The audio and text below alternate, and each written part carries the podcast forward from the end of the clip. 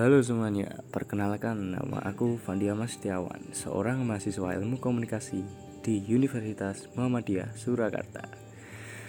Jadi pada kesempatan kali ini aku mau menjelaskan kepada kalian nih tentang manajemen media televisi yang aku rangkum dari buku manajemen media massa yang ditulis oleh Fajar Junaidi atau sering disebut sebagai Mas Jun. Bagaimana sih perkembangan penyiaran di Indonesia? Pasti pertanyaan ini pernah terlintas di kepala kalian. Jadi, perkembangan penyiaran di Indonesia mengalami lonjakan pesat pasca reformasi tahun 1998. Dengan bergantinya sistem politik dari otoriter berubah menjadi lebih demokratis yang menunjang perkembangan media penyiaran di Indonesia.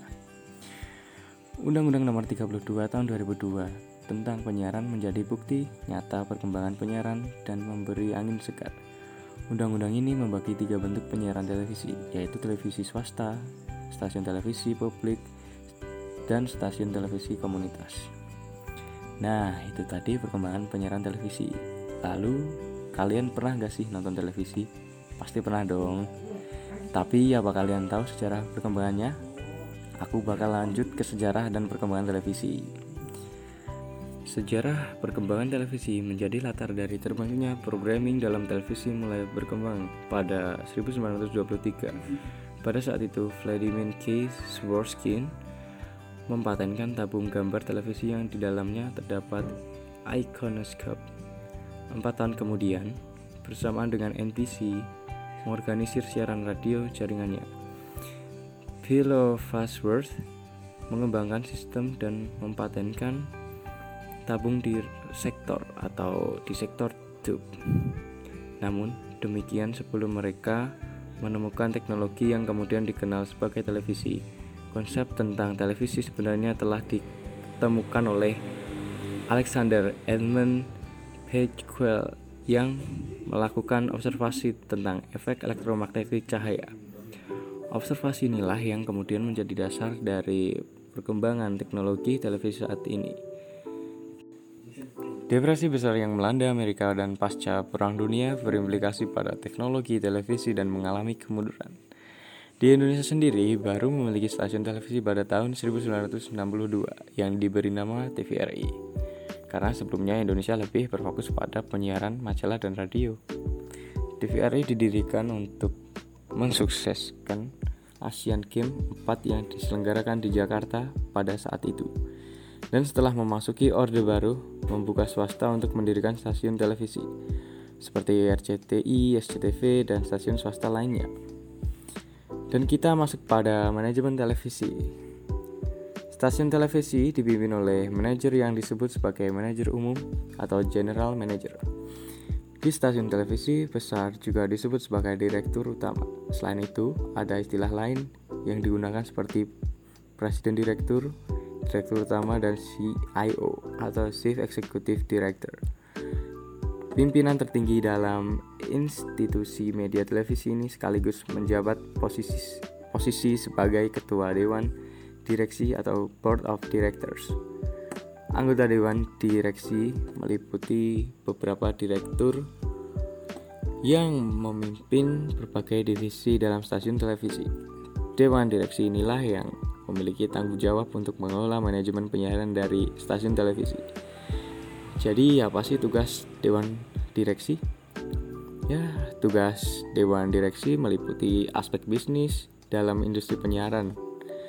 Direktur utama mengemban tanggung jawab pada seluruh bagian dalam stasiun televisi dan menetapkan sasaran atau target pemasaran dan mengendalikan pengaliaran manajemen harus mengkoordinasi berbagai program acara yang ada di stasiun televisi tersebut atau memonitor program acara.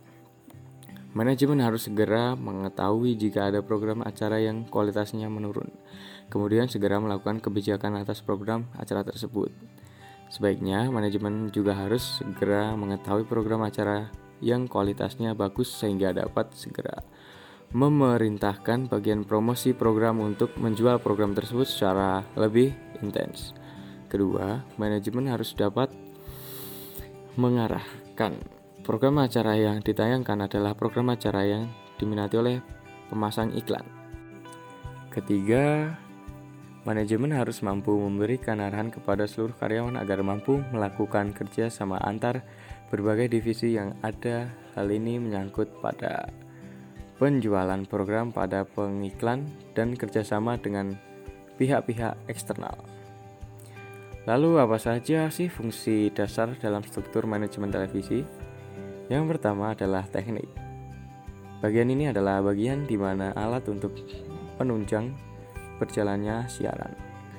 Bagian teknik harus memiliki kompetensi untuk menghadapi perkembangan teknologi yang digunakan dalam penyiaran televisi. Yang kedua, selanjutnya adalah bagian program siaran. Bagian ini mengemban tugas untuk menguyuhkan program acara bagian khalayak. Untuk itu, bagian ini harus mampu melakukan penataan program siaran agar sesuai dengan khalayak. Kegiatan penataan program ini disebut sebagai programming. Dalam melakukan programming, bagian program siaran harus mempertimbangkan jenis acara, waktu, tayang, serta perilaku menonton khalayak. Yang ketiga, selanjutnya adalah divisi pemasaran dan penjualan program televisi atau sales marketing. Bagian ini memiliki tugas untuk menjual program, program yang dimiliki stasiun televisi pada pengiklan. Dengan demikian, bagian ini menjadi vital bagi seluruh televisi swasta yang membutuhkan pendapatan dari iklan untuk menjamin keberlanjutan siarannya. Dan yang terakhir, divisi lain dalam struktur industri penyiaran televisi adalah bagian administrasi. Bagian administrasi sebenarnya ada di hampir semua struktur perusahaan, baik perusahaan media maupun non-media. Sebagaimana namanya, bagian ini mengemban tugas dalam fungsi-fungsi organisasi yang berkaitan dengan fungsi administrasi. Fungsi administrasi ini meliputi tanggung jawab pada pengelolaan sumber daya manusia, pembuka, pembukuan, pembayaran gaji, dan pengelola anggaran. Pengelolaan anggaran. Selain itu, fungsi administrasi yang lain adalah mengurus perizinan dan menjalin kerjasama dengan pihak-pihak eksternal. Oke, sekian podcast dari aku kali ini. Terima kasih buat yang udah dengerin. Dan sampai jumpa lagi di podcast aku selanjutnya. Bye.